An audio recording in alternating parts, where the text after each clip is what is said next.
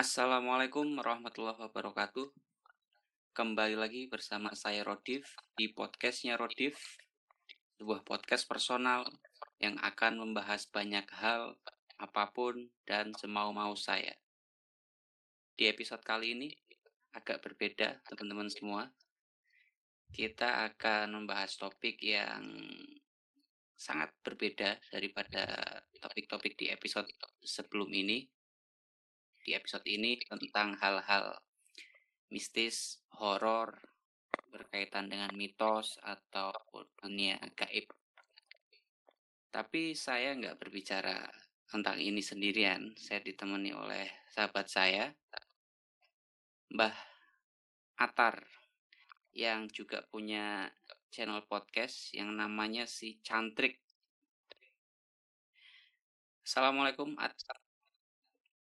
Waalaikumsalam. Alhamdulillah. Kabar sehat, kabar sehat. Alhamdulillah ini baik-baik saja. Eh, larut malam masih terjaga, belum ngantuk. Alhamdulillah baik. Ini kita rekaman di tengah malam ya ya anak-anak yang gemar begadang ya sambil begadang gini suasananya sepi syahdu suara alam di sekitar kita ini kita mau ngobrolin hal-hal yang berkenaan dengan dunia gaib. Nah, kenapa kemudian Fuad di sini kemudian jadi partner saya untuk ngomongin soal topik kita kali ini ya karena Fuad ini yang saya kenal atau teman-teman kami. Kami dulu interaksi bareng kegiatan bareng di Solo.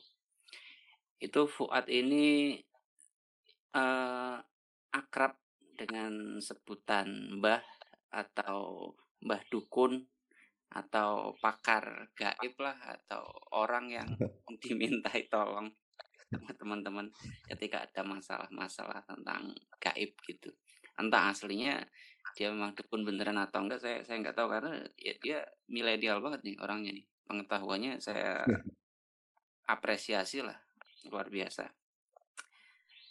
Tapi kalau Fuad sendiri sebenarnya uh, apa ya membenarkan nggak mengakui nggak kalau dirimu sendiri itu adalah orang yang ya seperti apa yang disangka atau disebut oleh orang-orang itu teman-teman kita jadi jadi gini jadi cerita ini uh, uh, dari awal saya cerita mengapa kok di dipanggil mbah ya. Padahal kalau dari segi umur ya nggak cocok kalau di, dipanggil mbah. Kadang-kadang dipanggil mbah itu seperti ada sebuah wibawa ya. Orang-orang yang sepuhkan kan uh, wajar kalau di, di hidup di Indonesia terutama orang yang disepuhkan kan pasti segala ucapannya itu seperti titah raja gitu seperti uh, ulama lah dia punya fatwa tapi ya repotnya di sisi lain kadang apa ya kalau masih muda gitu loh masih muda apalagi belum uh, punya jodoh ya masih jomblo di, dipanggil mbah ke mana-mana kan susah lakunya loh gitu. Yang yang yang repot itu itu. Jadi kalau soal uh, soal pengetahuan itu sebenarnya dari dulu ya jadi dari dulu pun sebenarnya penakut sih sama hal, hal kayak gitu. Dan nggak ada secara silsilah secara uh, nasab keturunan juga nggak ada yang punya keahlian atau indera keenam atau ya kemampuan secara supranatural tentang itu. Soalnya orang dari orang tua itu juga sama-sama uh, penakut sih terhadap hal seperti itu dari keluarga juga.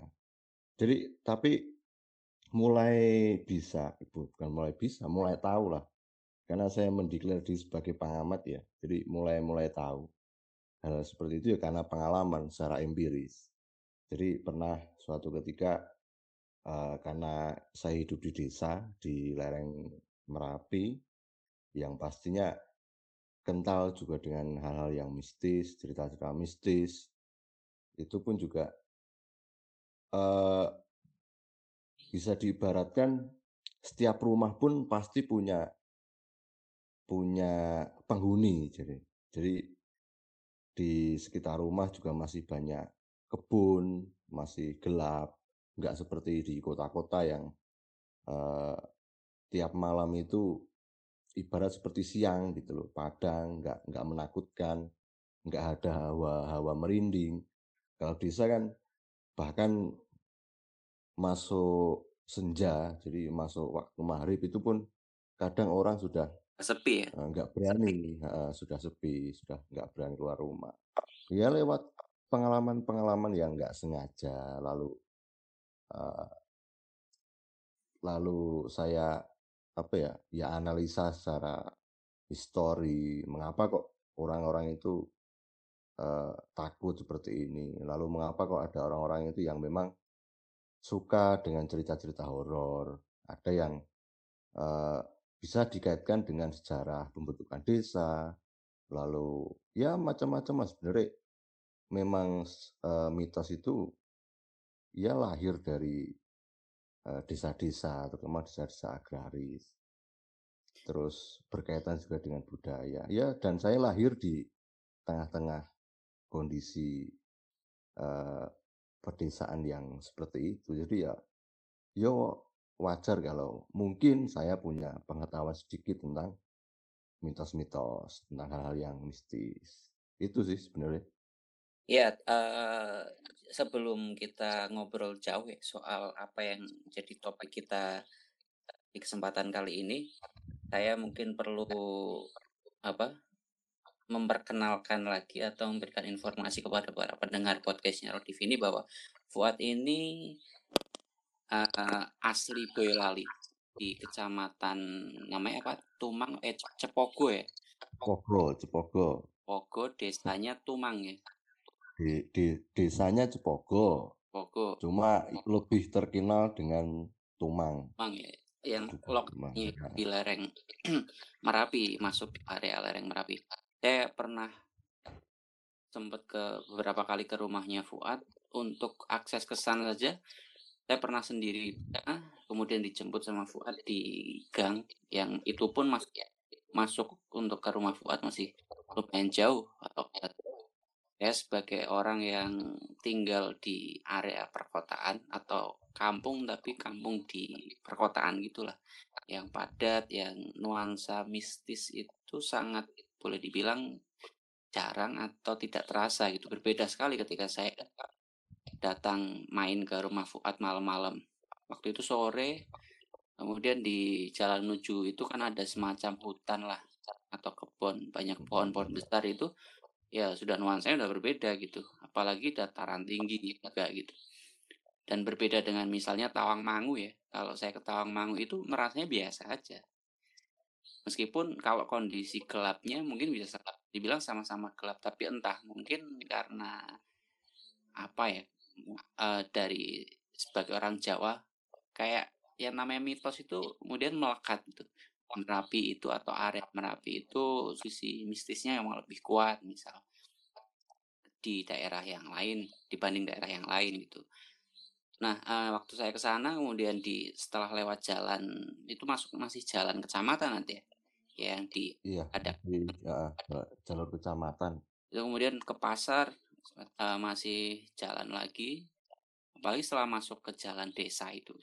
Itu benar-benar yang saya rasa ini benar-benar ngerasa banget suasana desa yang uh, jarak rumah per rumah itu waktu itu waktu saya ke sana itu agak jauh. Tapi ketika sudah ke kampungnya Fuad ya nggak terlalu jauh-jauh juga. Tapi memang nuansanya kerasa betul. Di mana misalnya habis isya itu orang-orang udah pada masuk ke rumah. Karena selain memang hawanya dingin mungkin udah jadi kultur masyarakat di sana ya. Rata-rata di desa kan seperti itu. Nah Fuad itu iya iya rata-rata di desa memang kadang ya nggak seperti kota ada orang nongkrong lalu uh, setiap angkringan atau he atau bahkan warung-warung itu masih ramai kalau di desa ya ya itulah karena malam sih. Malam itu penuh dengan misteri memang. Ya itu. Ya, uh, kita kan lihat ya, uh, apa ngekos bareng atau ya nggak ngekos bareng sih, tapi sering interaksi bareng di kontrakan ya waktu itu ketika masih di Solo. Nah. Uh, waktu itu tengah malam kalau nggak salah. Uh, saya pernah itu di di di, di rumah kontrakan itu uh, saya masih nongkrong di depan gitu dekat pintu itu utama kemudian Fuad di luar tiba-tiba aja Fuad masuk yang di kontrakan di samping oh, iya. kos di samping itu rumahnya kontrakannya Dalang itu? Pak Anom Dalang. masalah ya? Oh iya. Ha. oh iya iya ha. di belakang Rea itu sih. Kemudian Fuad tiba-tiba masuk gitu dengan ekspresi yang kaget uh, kayak agak ketakutan gitu. Setelah itu sambil bisik-bisik ngomong dengan nada lirih itu bilang wah nembe ono sosok gitulah. Saya lupa sosoknya seperti apa. Pokoknya bikin kaget tapi saya kok nggak lihat gitu. Padahal saya natap jalan di mana Fuad itu lihatnya orang itu sedang berjalan kalau nggak salah ya di di jalan depan rumah itu saya nggak lihat lah ya mungkin itu salah satu dari banyak pengalaman yang kemudian oleh teman-teman Fuad ini uh, mendapat julukan apa pengamat mit atau ya pengamat dunia gaib gitulah. Nah, untuk lebih jelasnya nanti seperti apa, kita pengen ngobrol-ngobrol lah, sharing-sharing lah tentang hal-hal mistis, apalagi yang berkenaan dengan uh, isu-isu kekinian ya, di mana misalnya ya, kita kan ini sedang di Indonesia terutama itu kan sedang menghadapi wabah pandemi corona. Banyak hal uh, yang berkaitan dengan dunia gaib pun lalu disangkut pautkan atau tentang hal-hal mitologi ya. Salah satunya nih misalnya kemarin beberapa kali bahkan ya kemarin itu e, beruntun Gunung Merapi itu kan mengalami erupsi. Nah di salah satu erupsinya itu ada apa wedus gembel apa awan panas itu yang naik ke langit itu itu kan membentuk sesosok seperti yang kalau orang-orang sebut yang itu viral di media sosial di subway atau di mana-mana seperti Eyang Semar. Yang kemudian ditafsirkan bahwa kemunculan Eyang Semar di momen pagebluk atau momen bencana atau bah seperti ini adalah pertanda pagebluk akan segera berakhir. Apakah itu benar atau salah atau seperti apa? Fuad sebagai orang asli daerah situ yang tentu punya pengetahuan lah secara turun temurun mungkin dari masyarakat lokal di situ ngerti sebenarnya seperti apa.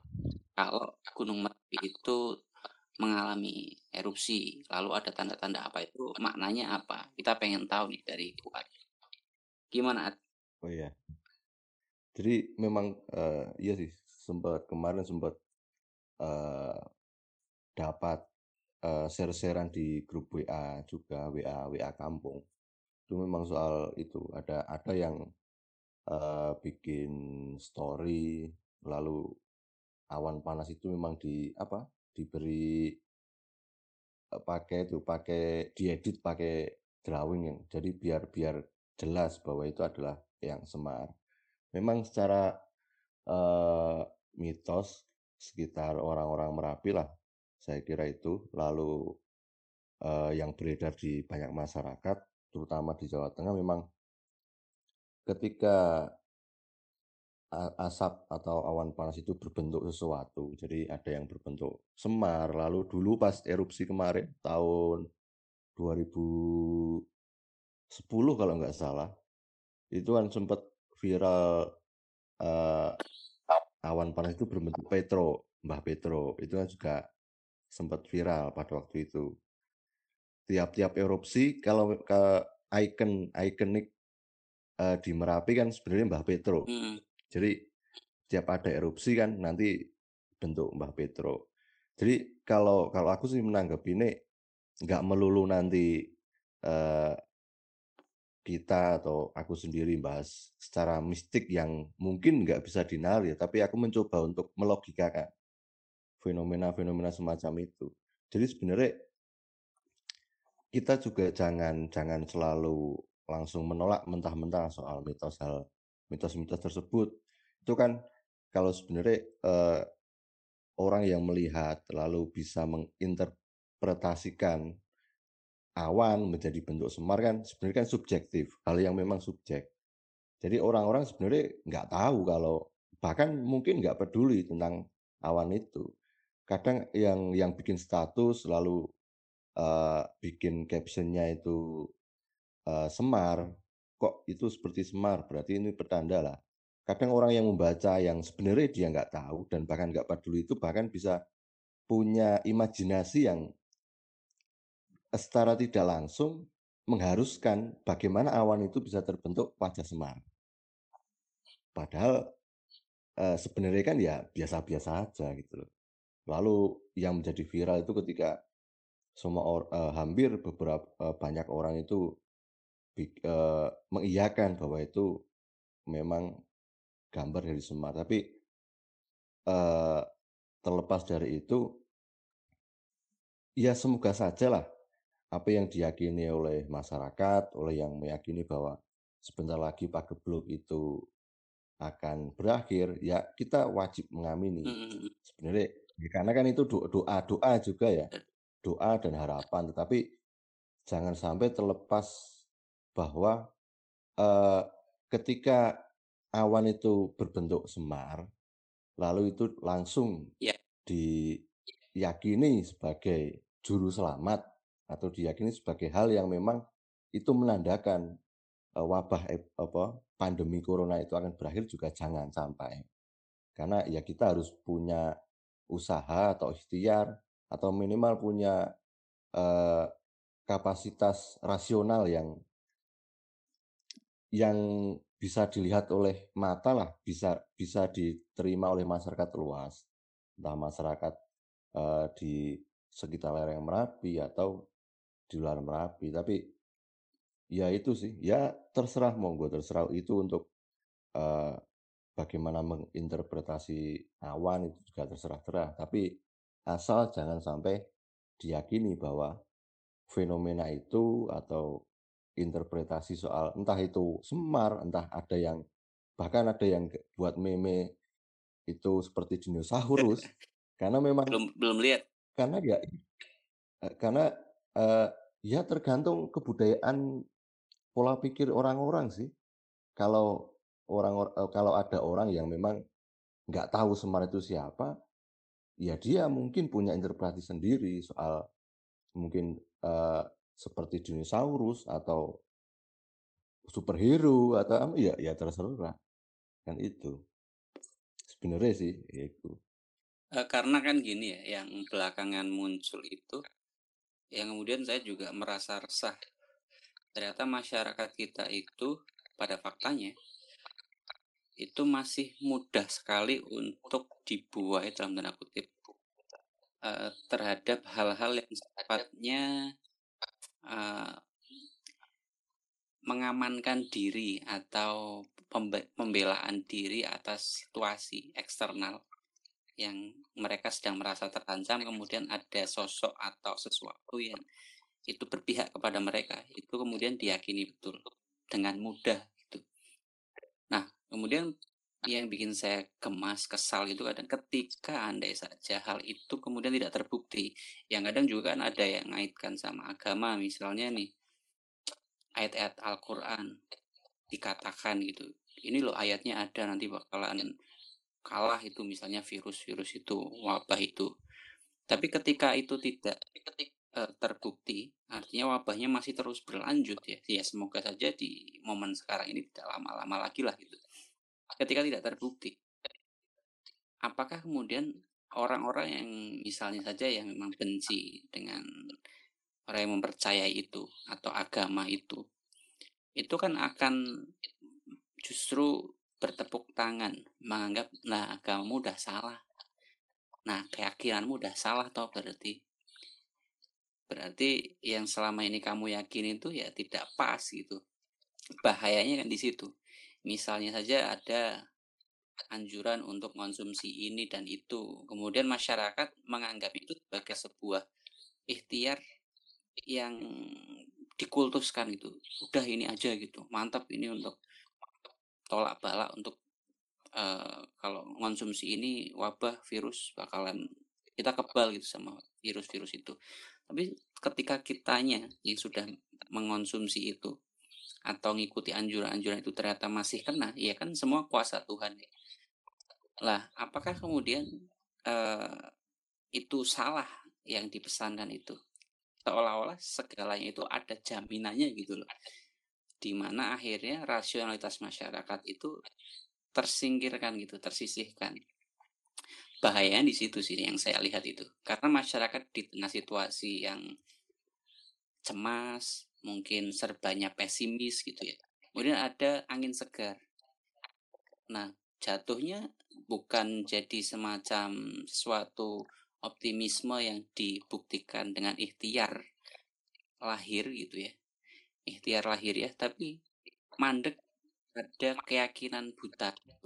Ini fatalnya. Padahal kalau kita baca-baca di media hari ini kan ini adalah peran di mana saintis itu seharusnya tampil secara unggul gitu ya. Atau di banyak kasus lah masalah corona ini aja gitu. Tapi ya selain juga misalnya ikhtiar batin juga kita lakukan ya lewat doa dan lain sebagainya.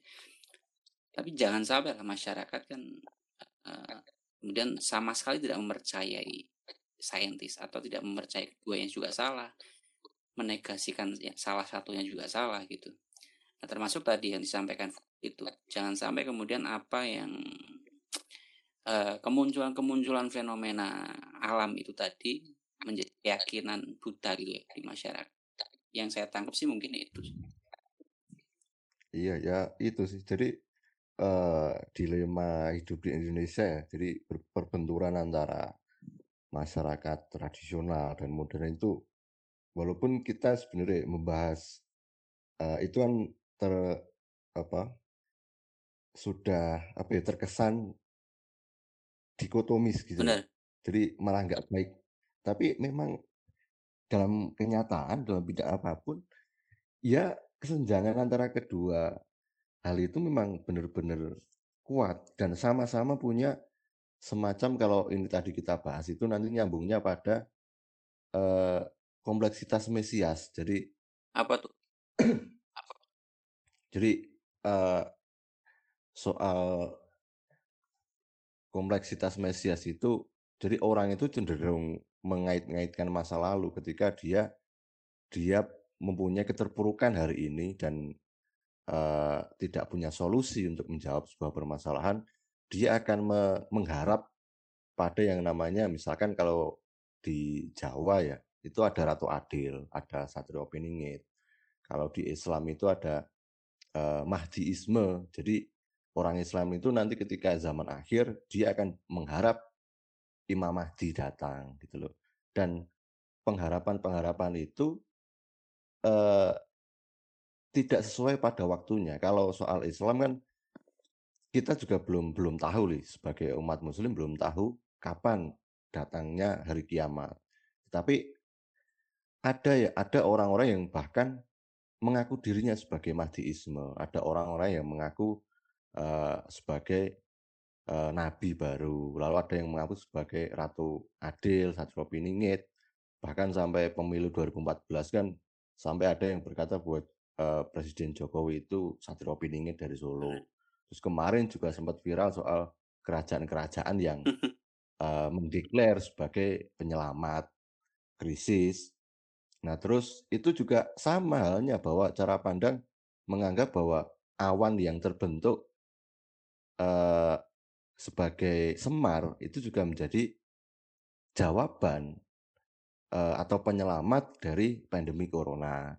Itu kan sebenarnya kan cara berpikir yang sama sih menurutku. Dan itu kan tidak tidak melulu terjadi pada masyarakat tradisional, masyarakat modern pun juga sama. Ketika uh, masker dan hand sanitizer itu menjadi barang salah satu harapan ya yang yang harus dipunyai oleh setiap orang maka terjadi panic buying tanpa memikirkan tabungan, memikirkan kebutuhan yang lain, mereka menyerbu tanpa ampun. Entah harganya itu mau berapa, ya tetap diserbu. Itu kan sebenarnya kan pola-polanya sama, menempatkan uh, masker dan hand sanitizer itu sebagai harapan baru untuk bertahan di uh, saat pandemi corona ini. Padahal ada juga beberapa uh, media sosial atau akun-akun lembaga kesehatan itu yang berkata bahwa sabun mandi atau sabun biasa itu bahkan lebih aman, lebih efektif dan aman daripada hand sanitizer kan seperti itu. Lalu Menkes itu pernah bilang salah salah salah sendiri kok beli masker ketika masyarakat itu pada sambat, pada ngeluh soal harga Nah, ini kan pola-pola yang cara berpikir yang uh, ya mesianik itu tuh, tadi. Jadi berharap pada sebuah uh, romantisme masa lalu lah sebenarnya sebenarnya pada titik itu. Nah, tapi saya kira untuk untuk soal nanti uh, membahas itu kapan-kapan nanti malah nggak nggak jadi membahas yang mistis cerita-cerita mistis lah iku. Jadi yo iku sih. Jadi di di lereng Merapi memang uh, sejak dulu jadi aku aku ini tadi kan habis dari luar ya kumpul-kumpul sama sama wak, tetangga sekitar jadi di RT masih ada kumpul. Walaupun kumpul-kumpul kan dilarang terus sebenarnya sekarang. Ya tapi karena di desa sih di desa itu kalau nggak kumpul itu nggak nggak ada hiburan. Kadang orang-orang desa yang sibuk uh, kesehariannya itu juga ya susah disuruh diam di rumah. Jadi ceritanya kumpul-kumpul tadi itu untuk tirakat lah Jogo Merapi. Karena beberapa hari ini kan sempat erupsi jadi kemarin itu sampai tiga kali kan ketika pagi kalau nggak salah warga sekitar sebuah alarm bahaya gitu di Iya, ya. ada Ya itu kan heeh. Jadi ada yang berkata bahwa ya ini Merapi wayahnya meletus besar gitu. Lalu kan dari mulut ke mulut ya wis uh, ditirakati dengan cara begadang, melek lah. Melek sampai jam 12 atau jam 1. Jadi karena memang beberapa kali kan erupsi juga. Jadi kadang lewat sesepuh desa, orang-orang yang memang dipandang uh, apa ya punya mungkin punya kemampuan atau punya uh, kelebihan secara spiritual itu ngomong dari mulut ke mulut. Nah, dan ini pun bebarengan dengan wabah pandemi corona kan gitu. Jadi kumpul-kumpul, membahas-membahas itu nggak boleh kan hmm. ketika uh, di hidup di masyarakat di Indonesia kan kumpul-kumpul sudah nggak boleh. Jadi orang-orang dianjurkan untuk di rumah. Tapi berbeda dengan kondisi di lereng Merapi, terutama di ya di, di desaku sendirilah, di desaku lalu di daerah uh, Selo sebelah timur Merapi, sebelah timur utara Merapi itu sama. Jadi kekhawatiran soal Merapi yang konon katanya juga mau e, batuk kembali dan batuk dalam skala besar sehingga menyebabkan e, status waspada eh status siaga dua nggak salah sekarang itu itu nanti akan bertambah parah. Nah ya kalau saya sih menurut menurutku ya nggak ya nggak apa-apa sih. Jadi usaha-usaha itu walaupun belum uh, di, bisa dibuktikan secara ilmiah. Kalau melek begadang kan bukan usaha yang ilmiah gitu loh. Nggak ada anjuran juga dari uh, apa namanya dari lembaga kebencanaan kan. Tapi kan kalau menurutku ya ya nggak asalkan asalkan itu bisa dan mampu ya anggap aja itu ikhtiar gitu. Karena karena pandemi ini banyak sekali sebenarnya yang yang ngechat via WA ada juga yang sampai sempat telepon. Jadi rata-rata teman-teman ya mahasiswa lah teman-teman milenial itu meragukan, sempat meragukan soal misalkan pandemi ini ada kiai yang menyuruh untuk membaca amalan ini, lalu membaca eh, wiridan, lalu disuruh begadang, disuruh mandi, ada yang sempat disuruh bakar dupa di setiap pojok rumah. Itu mereka pada tanya, iki sebenarnya gimana? Karena kan narasi di media sosial itu sekarang eh, bagaimana agar masyarakat itu percaya dengan saintis. Nah, dan masyarakat itu sekarang juga yang awalnya percaya dengan ya para ulama, para orang tua kan mau tidak mau dia harus percaya dengan uh, saintis walaupun sebenarnya harusnya sih seperti itu. Nah, tapi kan ternyata di masyarakat pun juga terjadi kebingungan. Aku mah percaya uh, pemerintah atau ilmuwan atau dokter atau percaya sama kiai termasuk yang memang nah, gitu ya. Uh, jadi termasuk ya orang-orang sepuh, kiai, bahkan orang-orang tua gitu. Ya kalau saya saya jawab gampang. Kalau memang ritual-ritual semacam itu itu mampu kamu mampu untuk melakukan dan uh, bisa lah bisa untuk bisa punya kelonggaran waktu, kelonggaran uang, misalkan mau beli uh, ubur rampe, nggak masalah, itu diniati sebagai ikhtiar. Cuma itu cuma kan yang namanya pengobatan nggak bisa kita menggantungkan semata-mata kepada dokter, kepada saintis kan nggak bisa. Ya, ya, yang namanya jalan itu jalan itu banyak. Yang penting kita punya niatan bahwa yang menyembuhkan itu semata-mata Gusti Allah. Cuma dari setiap jalan itu ada jalan yang diutamakan, yaitu ya kita harus patuh terhadap pemerintah dan dokter atau uh, ilmuwan gitu. Gitu sih kalau itu. Kalau menurutku me meng mengenai fenomena hari ini. Kalau ini biar nggak terlalu jauh jadi ngobrolin apa ya fenomena wabah ini ya karena yang sebenarnya pengen kita bahas kan lebih ke sisi-sisi tentang mitos atau hal-hal gaib. Iya. Buat ini sebagai pakar atau pengamat lah ya. Nah, eh, gini Ad, sebagai orang desa yang tentu tradisinya kuat ya kepercayaan terhadap hal-hal yang transendental dibanding masyarakat kota atau kalau kita boleh bilang sekarang termasuk orang-orang desa pun anak-anak mudanya kan sudah naik dan tanda kutip naik kelas menuju ke era apa ya model-model masyarakat modern akhirnya banyak yang meninggalkan yang namanya mitos-mitos atau kepercayaan leluhurnya. Tradisi-tradisi yang dulu dilakukan akhirnya tidak dilakukan. Karena secara ilmu pengetahuan secara ilmu pengetahuan yang mereka pelajari mungkin ya memang tidak cocok tidak ketemu gitu. Misalnya saja kenapa sih kok harus pasang bendera di sini atau pasang kendi atau gentong di depan ini untuk apa gitu. Atau pasang sesuatu apalah saja apa.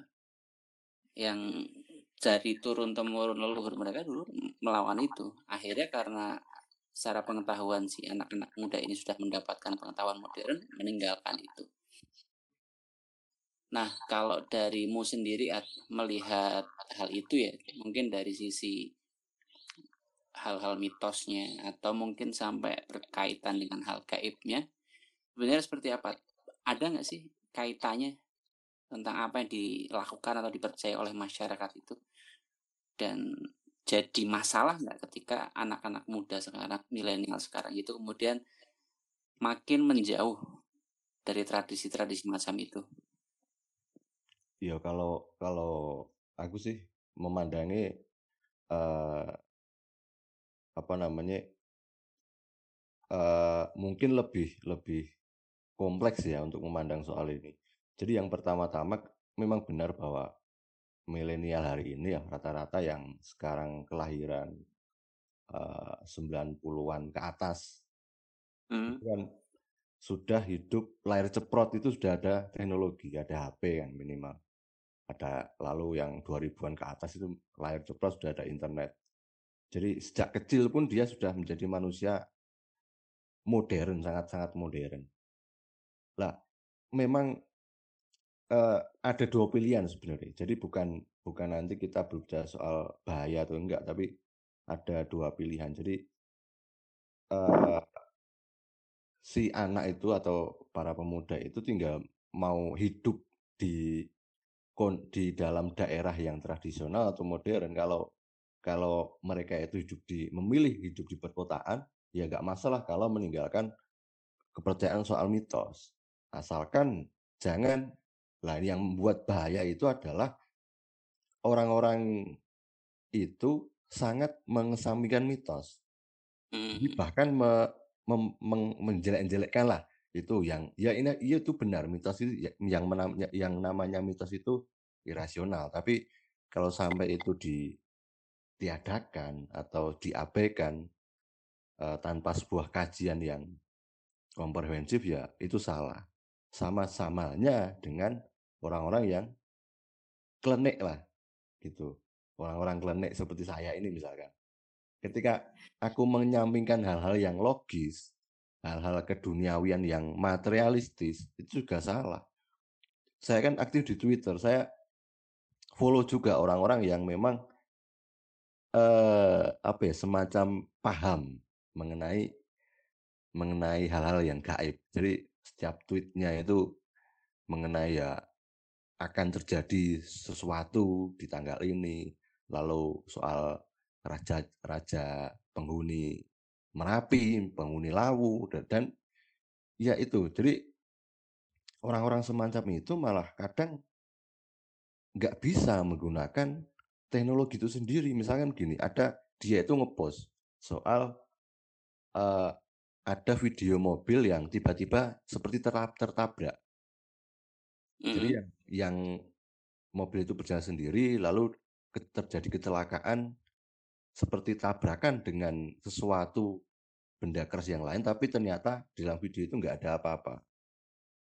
Nah, dia kan karena dia mungkin mendeklar sebagai pakar gaib, dia seolah-olah membuat caption yaitu adalah kekuasaan hal yang gaib gitu loh. Itu kan wah yang ngomen kan banyak banget. Nah, orang-orang yang seakan-akan kan dia wah dia sangat ahli di dalam bidang spiritual. Padahal uh, video itu sudah ada yang mengkonfirmasi bahwa itu adalah sebuah editan. Jelas-jelas editan. Itu kan repot. Nah, terus lagi uh, ada itu kan sebuah paradoks ya antara antara uh, fenomena itu. Yang kedua, saya itu juga pernah kuliah juga di UNS di Fakultas Ekonomi lah, Fakultas Ekonomi. Orang kumpulannya orang-orang yang sangat modernis, high class lah dibanding fakultas-fakultas lain di UNS loh ya, sekelas UNS, kampus-kampus desa kan. Jadi itu pun ternyata orang mahasiswa-mahasiswanya pun kawan-kawanku pun di sana sangat tertarik ketika berbicara soal demit. Itu benar. Jadi orang-orang yang sering ngopi di Starbucks, ngopi di kafe-kafe, zaman angkatanku dulu kafe-kafe masih uh, terpandang high class gitu loh, masih masih jarang di di komplek UNS itu soal kafe-kafe mereka bahas soal demit, soal aku pernah di pernah lihat pocongan, pernah lihat kuntilanak segala macam itu sang mereka sangat tertarik dan begitu percaya. Padahal secara logis ya orang-orang yang percaya mitos kan selalu di distigmakan sebagai orang-orang desa tradisionalis, ngelenek. Enggak, mereka itu punya berpikiran logis. Mempunyai kultur uh, apa namanya lingkungan lah lingkungan pertemanan juga orang-orang yang rata-rata orang-orang dari Jakarta, dari Medan, orang-orang kota lah.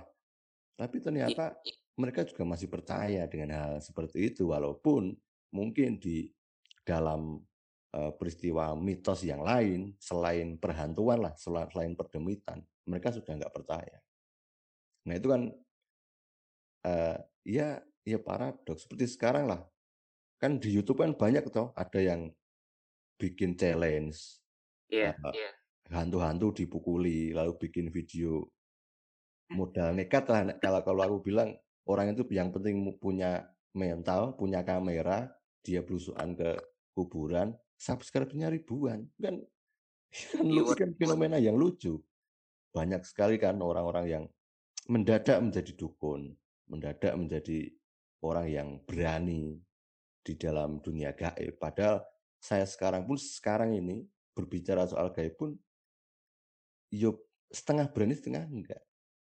Karena yo orang yang paham, orang yang mungkin orang yang paham lah soal soal dunia gaib tak saya kira akan berhati-hati bersikap ketika ber, me, membicarakan mengenai hal gaib. Yo yo maaf-maaf sih misalkan ketika uh, saya hari ini ketika berbicara kadang ngelantur ke materi-materi yang lain atau ngelantur ke pembahasan-pembahasan melebar ke pembahasan yang lain. Karena memang tekanan dari batinnya ini sangat besar ketika berbicara perdemitan. Ya itu. Kalau bisa kalau diibaratkan ini gini, misalkan kamu ke teman-teman semua itu membicarain si gitu. Kalau si A nggak tahu kan nggak masalah, kan jadinya gosip. Tapi kalau saya membicarakan si A dan dia nggak dan dia tahu, dia kan pasti otomatis mendekat ke sini kan gitu. Ya itu ibaratnya gitu. Jadi kalau soal yang barusan banget kamu bilang itu tentang hal-hal perdemitan, ya artinya karena mereka tahu.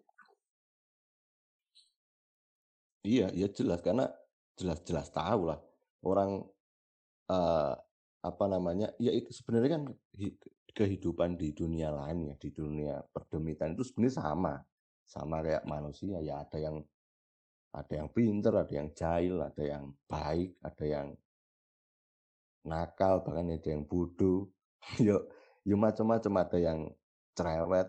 Ya kayak kayak manusia sebenarnya. Dan maksudnya ketemu pengalaman langsung yang tapi nggak yang sampai apa ya takut gitu loh. Dekat banget. Pernah. Interaksi pernah. bahkan. pernah. kalau kalau uh, pernah sih saya aku aku menemui hal sing harusnya ya takut ya harusnya mistis tapi lucu bikin ketawa. Jadi ceritanya pernah pernah itu dimintai tolong. Jadi ada teman yang ditakzir di pondok di pondok dekat sini. Jadi temanku itu ditakzir disuruh uh, nunggu kandang kandang sapi. Jadi kandang sapinya itu ada di tengah-tengah ladang gitu ladang milik pesantren ladang milik kiai. Dan terkenal angker ya memang.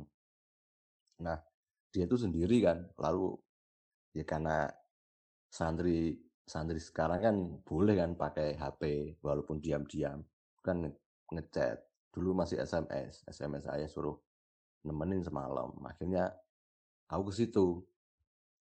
Jadi masuk ke ladang gitu pakai motor. Nah suatu ketika tiba-tiba itu motor melay menyala sendiri. Hmm. motor itu menyala sendiri. Kan aku di dalam kandang itu. Dalam kandang kan temanku juga uh, kan ada dapur ada ada dapur yang bisa buat kopi lah itu kok motor bisa nyala sendiri? Kan feeling pertama itu biasanya memang ada santri-santri lain yang jahil jadi kalau ada teman yang ditakzir kadang santri itu yang lain itu nakut-nakuti. Nah ketika dicek keluar ternyata nggak ada.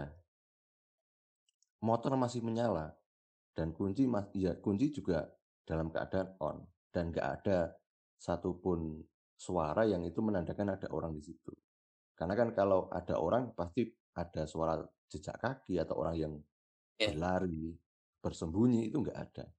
Lah ketika uh, keluar itu aku dan kawanku itu melihat uh, pocongan lah dan mm. tinggi-tinggi banget.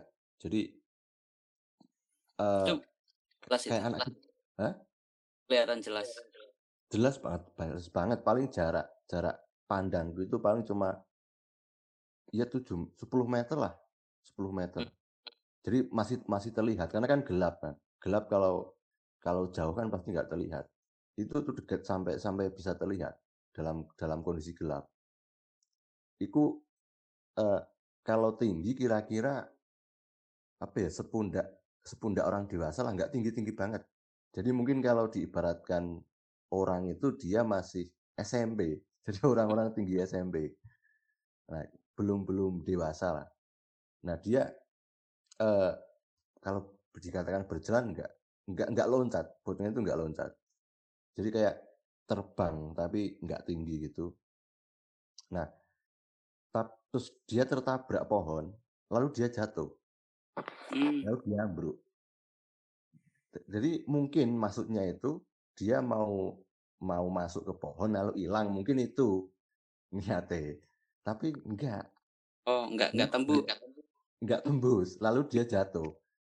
Dan lalu dia jatuh lalu ketika hilang. Itu kan kan kan demit enggak play ini demit opo kalau terus kalau pengalaman lainnya selain di masa-masa itu mungkin yang terbaru-terbaru gitu. Karena kan saya lihat sering ya bikin stat di status WA itu beberapa kali video tentang penampakan gitu ya dan juga seingat saya dulu eh, berdasarkan ceritamu dulu kan di masyarakat di lingkunganmu itu ada orang-orang yang entah pakai pesugihan atau apa yang katanya dulu pernah ada penampakan di desamu tentang entah sosok macam gendru atau apalah itu itu gimana pengalaman-pengalaman apa lagi nih ya, yang mungkin bisa di-share oh. ini? Jadi belum lama karena kan saya kerja di, di ekspedisi ya, pernah juga ngurir dan jadi kurir itu sampai malam, bahkan sampai malam. Jadi pernah uh, suatu ketika melewati desa. Jadi desa itu kan wajar kalau di sawah-sawah kan hanya ada pematang sawah. Jadi ada jalan ke masuk desa, masuk keluar desa itu melewati sawah yang yang luas, jadi panjang banget dan itu nggak ada perumahan, ada nggak ada rumah satupun. Mm. Nah, pernah suatu ketika waktu maghrib maghrib eh, habis adzan maghrib lah itu kan udah udah eh, gelap. Nah pernah itu kan dalam itu kan kondisi saya memang capek ya lapar ya udah udah nggak karuan lah dalam pikiran. Nah ketika lewat situ pernah ada yang ada yang uh, kayak apa ya? Uh, kayak ada yang duduk di di bu bu itu namanya apa ya bu? Kayak tempat duduk di pinggir jalan lah bu. Yang itu bu. Di, itu bu. Uh, duduk di bu itu ada kayak semacam kayak perempuan itu. Tapi karena saya nggak mikir sampai segitu, ya saya tetap lurus saja. Nah, waktu ketika ketika sampai pada jalan biasa, jadi ya sudah ada di jalan aspal, ada di keramaian, saya kembali keingat, oh, aku tadi kok, lah kau tadi lihat kayak lihat perempuan, gitu. tapi mosok yo ya hantu, mosok yo ya itu kan, mungkin lah pikiranku, yeah. Uh, pikiran lo sugestiku lah mungkin itu.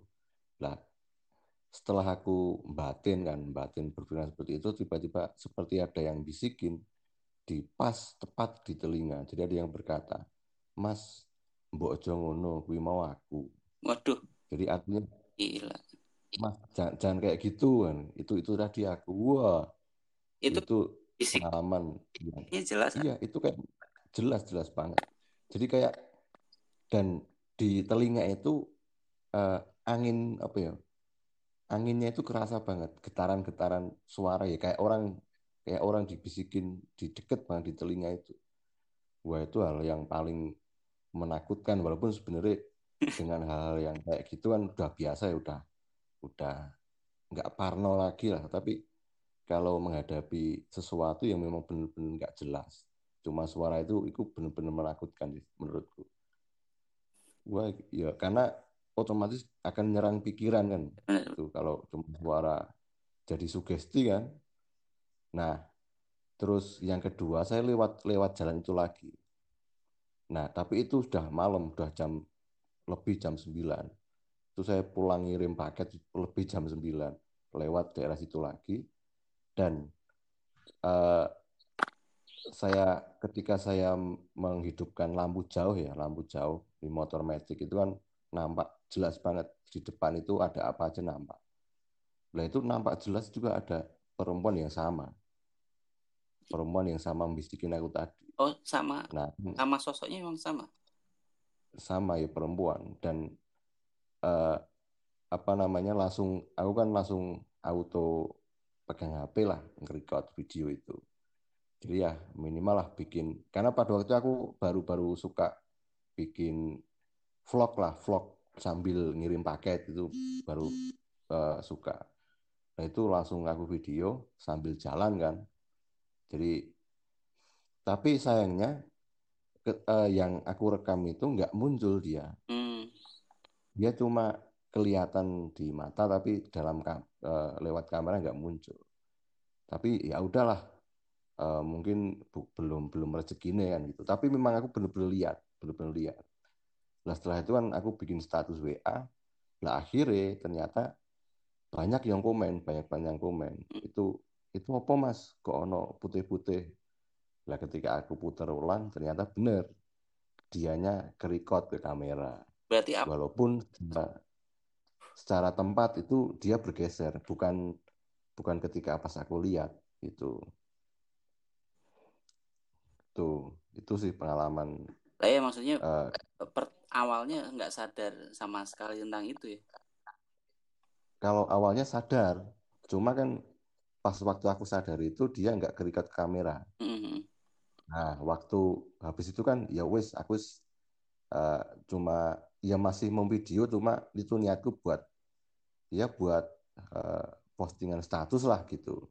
Lah waktu aku nggak sadar itu dia kerekam gitu gitu ceritanya gitu dan kalau pengalaman pas waktu akhir-akhir ini ya pas waktu ngirim paket sebenarnya banyak sih ketika masuk pada desa-desa kadang aku bisa jadi tahu oh desa ini uh, hanya lewat saja pun mas bisa kerasa hmm. jadi pernah pernah masuk kepada desa yang baru lah di salah satu desa di Boyolali itu masuk aja hawanya udah beda ada hal yang memang tersembunyi di situ. Itu malam-malam kan aku aku masuk ke desa itu. Jadi kan nggak nggak bisa lihat sekitar di situ. Lah ketika hari selanjutnya ngirim paket ke desa itu siang-siang, ternyata di satu desa itu itu ada kalau nggak salah ada empat makam. Satu desa ada empat komplek makam. Dan itu makam-makam tua gitu. Oh ya wajar. Kalau yo kalau hawa hawane ini apa ya men, mencekam gitu kan hawane uh, ngeri gitu lah nah itu terus dan dulu di, di desa kalau kalau cerita soal pesugihan mungkin di skip lah lain-lain kali mm-hmm. ketika aku nggak di rumah ya karena rawan nih ngomong ke Siap. sing cedak uh, rawan jadi Terus lagi karena dulu dulu aku pernah itu bermain bambu gila. Hmm. Jadi kalau tahu bambu gila yang itu kan budaya eh, masyarakat Ambon kan. Jadi bambu dipegangi orang banyak lalu bisa jalan sendiri. Tahu sama teman-teman sini itu pernah bikin itu. Ya mau tidak mau harus bertransak punya transaksi dengan hal-hal yang gaib gitu loh. Jadi nggak nggak hanya uh, nyogor apa nyodor ke sajen atau enggak tanpa transaksi enggak mungkin. Entah misalkan kamu mau eh, bikin jalangkung lah misalkan. Jalangkung terus hanya sebatas eh, man, apa, membaca mantra lalu menyodorkan sajen, nyepai apa, menyediakan sajen tanpa transaksi enggak mungkin bisa. Bu Arab sajenmu kembange nganti sak taman toh enggak enggak bisa, enggak bakal uh, dia orang-orang itu bukan orang nggak bakal demi-demi itu datang. Jadi kayak reok reok yang kesurupan itu sebelum acara sudah ada transaksi dulu sama ada transaksi. sama iya demit yang ngerasuki. Entah si Reok pemain Reok itu mau joget sampai jemalian ya dia nggak bakal kesurupan kalau kalau nggak ada transaksi di di awal gitu transaksi ini maksudnya tetembungan lah. Misalkan uh, iki aku mau meh uh, mau bikin reok di tempat ini jam segini uh, nanti datang gitu datang lalu uh, kalau mau ikut joget joget nggak masalah. Lalu ya itulah cuma itu deh tetembungan lah transaksi bukan ada perjanjian itu enggak. Jadi kayak aku main bambu gila itu juga gitu. Tetembungannya aku mau bambu gila do datang nanti aku punya tak suguhi uh, kembang uh, terus ada degan ada rokok segala macam itu. Cuma itu. Itu kadang juga yang datang bahkan ya demit-demit yang enggak diundang pun juga kan otomatis datang ketika ada keramaian kan mereka juga datang yang dari luar dari apa wah ada bambu gila. Itulah pernah uh, si pemain temanku itu yang megang bambu itu pernah kesurupan. Dan waktu itu sama sekali aku nggak punya nggak bawa menyan nggak bawa dupa nggak bawa apa. Semua udah habis. Jadi sajen di awal kan. Nah si si yang yang kesurupan demitnya itu kan minta menyan. Bukan mau tidak mau kalau mau pulang disuruh uh, bakar menyan dan gitu. Kan ya kan aku nggak nggak punya gitu. Uh -huh. ya udah aku harus uh, punya negosiasi gitu loh. Jadi kalau aku sendiri aku nggak sepakat kalau ada orang kesurupan itu dia langsung di dibentak-bentak lalu seakan-akan diusir itu aku, aku nggak sepakat nggak setuju soal itu. TV. Kita juga harus kita harus juga harus memanusiakan si demit gitu loh. Apa istilahnya apa ya? Uh, demit. apa ya memanusiakan si demit lah. Intinya ya kita harus punya sikap yang sama, egaliter lah kalau sama manusia itu baik ya kita juga sama demi juga baik gitu harus harus sopan. Kita punya iktikat baik. Gitu ya. Aku nggak pernah yang namanya langsung uh, di apa ya di dekep lalu dipegang keras bahkan sampai dipukul atau dibentak-bentak. Diusir lah secara keras enggak cuma ada ya ada negosiasi. Aku nggak punya menyan gitu aku cuma punya rokok jarum super. Kalau kamu pengen Bali, ya udah ini tak kasih jarum super kamu pulang. Karena aku ya, itu juga terlepas tak jelas ke karena kalau aku eh, apa namanya beli menyan ke pasar harus me, gue mesti eh, nanti bakal selesainya malam nanti banyak hal-hal yang memang eh, yang tidak seharusnya terjadi nanti terjadi hal, -hal yang buruk kan gitu ya akhirnya dia si demit itu mau keluar gitu dengan uh, tanpa menyan gitu tapi dia rokok jarum super gitu apa ono demit ngerokok jarum super? Kan nggak ada. Nah sebenarnya itu sih. Kalau yang yang aku mungkin bisa saran sih saran kepada siapa pun kalau mau nyikapi terhadap ya orang-orang kerasukan atau ya yang jangan sombong lah. Jangan jangan menganggap bahwa manusia itu atau siapa pun yang mengobati itu punya keahlian khusus. Lalu seakan-akan demit itu selalu salah enggak, jangan. Ya kita harus punya punya apa yo negosiasi menganggap podo-podo makhluk Gusti Allah loh. Sama-sama makhluk Gusti Allah, sama-sama disuruh beribadah bareng ya ya udah kita. Yuk kita harus bersikap uh, manusiawi lah, manusiawi dan demitiawi ya mungkin itu kalau kalau ngelihat fenomena yang tadi juga udah kita singgung ya di YouTube setan-setan demit-demit seperti itu kan atau misalnya nih acara kayak jurnal Risa ya seputaran penampakan atau fenomena-fenomena seperti itu pandanganmu sendiri gimana?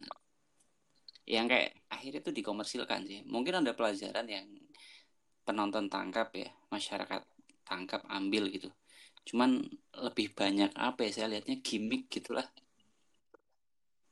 iya ya karena gini eh, hal yang sangat tabu ya yang sangat tabu yang sangat tidak kasat yang kasat mata tidak nama itu yang memunculkan penasaran itu memang menghasilkan pundi-pundi uang gitu loh.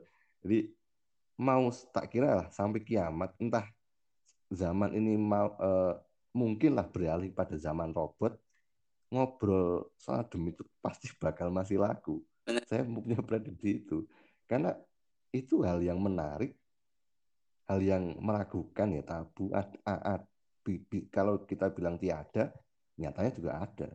Kalau bilang ada, tapi yang nggak ada gitu loh. Ini kan menarik ya. Kalau menurutku uh, kalau untuk komersil memang oh, komersil saya saya rasa nggak aku nggak sepakat gitu hal-hal semacam itu hal semacam itu dikomersilkan nggak sepakat. Yang pertama karena itu soal ilmu pengetahuan sih. Karena saya mungkin uh, nggak sepakati karena itu berbicara soal uh, kayak ya kayak apa ya? Semacam di sepelekan. didol gitu loh. Kayak kayak diperjualbelikan gitu loh. Dan itu kan nggak orang yang berbicara ataupun yang punya celah itu kan dia belum tentu benar dalam dalam uh, berstatement atau mempunyai pendapat karena nggak ada nggak dan nggak ada orang pun yang memang berani menyalahkan atau mengkritik atau menyangga karena sama-sama nggak tahu dan sama-sama nggak tahu apa yang dia bahas gitu loh. Nah, terus ada kan banyak tuh YouTube yang uh, membuat yang viral lah, misalkan ada yang sampai dikebuki terus itu kan walaupun ada yang berkata bahwa itu editan, apalagi kalau editan itu jelas aku juga nggak sepakat, gitu. udah menayangkan uh, posting video yang tabu masih editan nggak real kan dosanya bukan dosa, jeleknya udah berlipat-lipat gitu. Berbeda kalau dia itu melayangkan yang hal yang real, itu gak masalah gitu. Sebenarnya nggak baik, tapi tetap itu lebih baik daripada pembodohan lah, daripada penipuan. Ya kalau aku sih malah suka seperti channel dunia dua dunia lah, kayak gitu. Dia punya edukasi sendiri terhadap sejarah-sejarah yang ada di masyarakat entah benar atau tidak, tapi minimal itu berkaitan dengan uh, kajian keilmuan yang bisa dikaji oleh semua golongan seperti sejarah kan walaupun uh, lewat uh, perkataan jin yang merasuki kan pasti berbeda dengan apa yang diteliti oleh para sejarawan. Tapi kan itu ada referensi lain bahwa ternyata oh itu membuat menambah wawasan dari masyarakat itu sendiri. Dan saya kira ya kayak sekarang kan ada kisah tanah Jawa kayak gitu. Dia dia nggak cuma berbicara soal uh, penghuni gaib kan, tapi disambungkan dengan uh, keadaan historis masyarakat, sejarah dari turun temurun seperti apa. Ya itu sih kalau pandanganku seperti itu terhadap uh, channel-channel atau tayangan-tayangan yang ada di media sosial hari ini. Karena kan enggak maksudnya bakal ada efek apa nantinya karena kita tuh dengan mereka kan sama-sama makhluk hidup, makhluknya Gusti Allah, ciptaannya Gusti Allah. Kayak di momen-momen sekarang ya manusia udah keterlaluan gitu. Setan udah nggak ada ajinya, udah nggak ada harga dirinya kalau kuyonannya di anak-anak Twitter itu. Nah, mungkin ini ya uh, apa pesan pesan-pesan apalah uh, kamu sebagai orang yang mungkin kerap menjumpai fenomena-fenomena fenomena macam itu apalagi sebagai orang desa ya yang tentu kuat juga dengan kultur hal-hal mitos atau apa uh, atau sejenisnya. Pesan untuk terutama untuk anak-anak dan dan masyarakat luas pada itu seperti apa? Menyikapi fenomena fenomena gaib atau hal transendental mitologi atau sejenisnya? Kalau saranku sih yang pertama itu titik beratnya pada empan papan sih. Hmm. jadi tahu situasi tahu waktu dan tahu tempat kapan harus bicara. Jadi contohnya gini. Kadang kan kita eh, sering kan berkomentar itu di media sosial yang jelas media yang namanya media sosial kan nggak empan papan, sangat nggak empan papan dan penuh resiko yang namanya perdebatan. Nah, eh, misalkan kayak kayak sekarang, kalau saya di rumah, otomatis saya nggak bakalan bahas eh, pengalaman gaib yang ada di sekitar rumah gitu, Mm. karena yo mosok ngrenengi tonggo dewe kan misalkan gitu kan ramaduk mending ketika ada di luar karena untuk kenyamanan bersama kan gitu. Kenyamanan bersama antar lintas dunia kan seperti itu. Nah sama juga dengan halnya ketika uh, bahas soal itu soal interpretasi Semar Kiai Semar yang ada di awan Merapi ada di Wedus Gembelnya. Itu kalau bahas uh, di orang-orang apa ya kelas kelas menengah ke atas orang-orang modernis ya bakal dihajar habis-habisan bakal di uh, apa ya di tahayul tahayul habis-habisan gitu loh. Apalagi kalau di media sosial wah jelas nanti akan muncul stigma-stigma orang-orang desa yang tahayul lalu orang-orang desa juga bilang bahwa orang-orang kota itu terlalu materialis, terlalu keduniawian gitu. Nah, saya kira itu sih empan papan lalu ketika uh, membahas misalkan kadang kan di setiap kalangan perbincangan soal perdemitan itu sangat laku, sangat laku, enggak enggak enggak memandang kelas kekayaan, kaya miskin juga orang juga bahas demit, mahasiswa, pelajar, bahkan sampai uh, mungkinlah di setiap istana kepresidenan saya kira nggak lepas dengan pembicaraan demi. Karena setiap bangunan pun yo ya mesti ono dukune kan gitu. Wong mau jabat lurah atau mau jawab kabu apa bupati juga saya seperti dukun. itu iya. Yo ya mesti nggak dukun nah, mungkin ora. Gitu. Nah apa? Waduh mati lampu ini. What? jadi uh, itu sih sing sing apa membuat sing harus diperhatikan. Jadi memang harus empan papan harus tahu kondisi karena memang setiap kondisi supaya tujuannya agar tidak memunculkan sebuah kontroversi atau perdebatan. Apalagi perdebatan dengan hal yang memang belum jelas. Itu sih. Kasat mata. Nah, iya. Nggak kerasa saat kita udah sejam lebih ngobrol tentang hal-hal perdemitan meskipun tadi banyak ya kita melebar mungkin hal-hal yang belum bisa kita tangkap atau sampaikan kita share bareng-bareng di sini kita lanjutkan di episode selanjutnya di podcastnya Rodif gitu ya At ya. Makasih banyak. Yo, yo.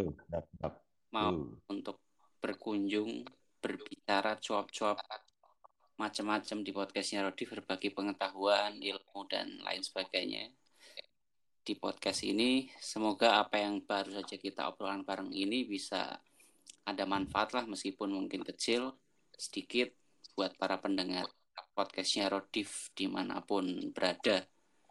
Sekali lagi makasih Ad, semoga sehat-sehat selalu. Salam buat ya. Oke.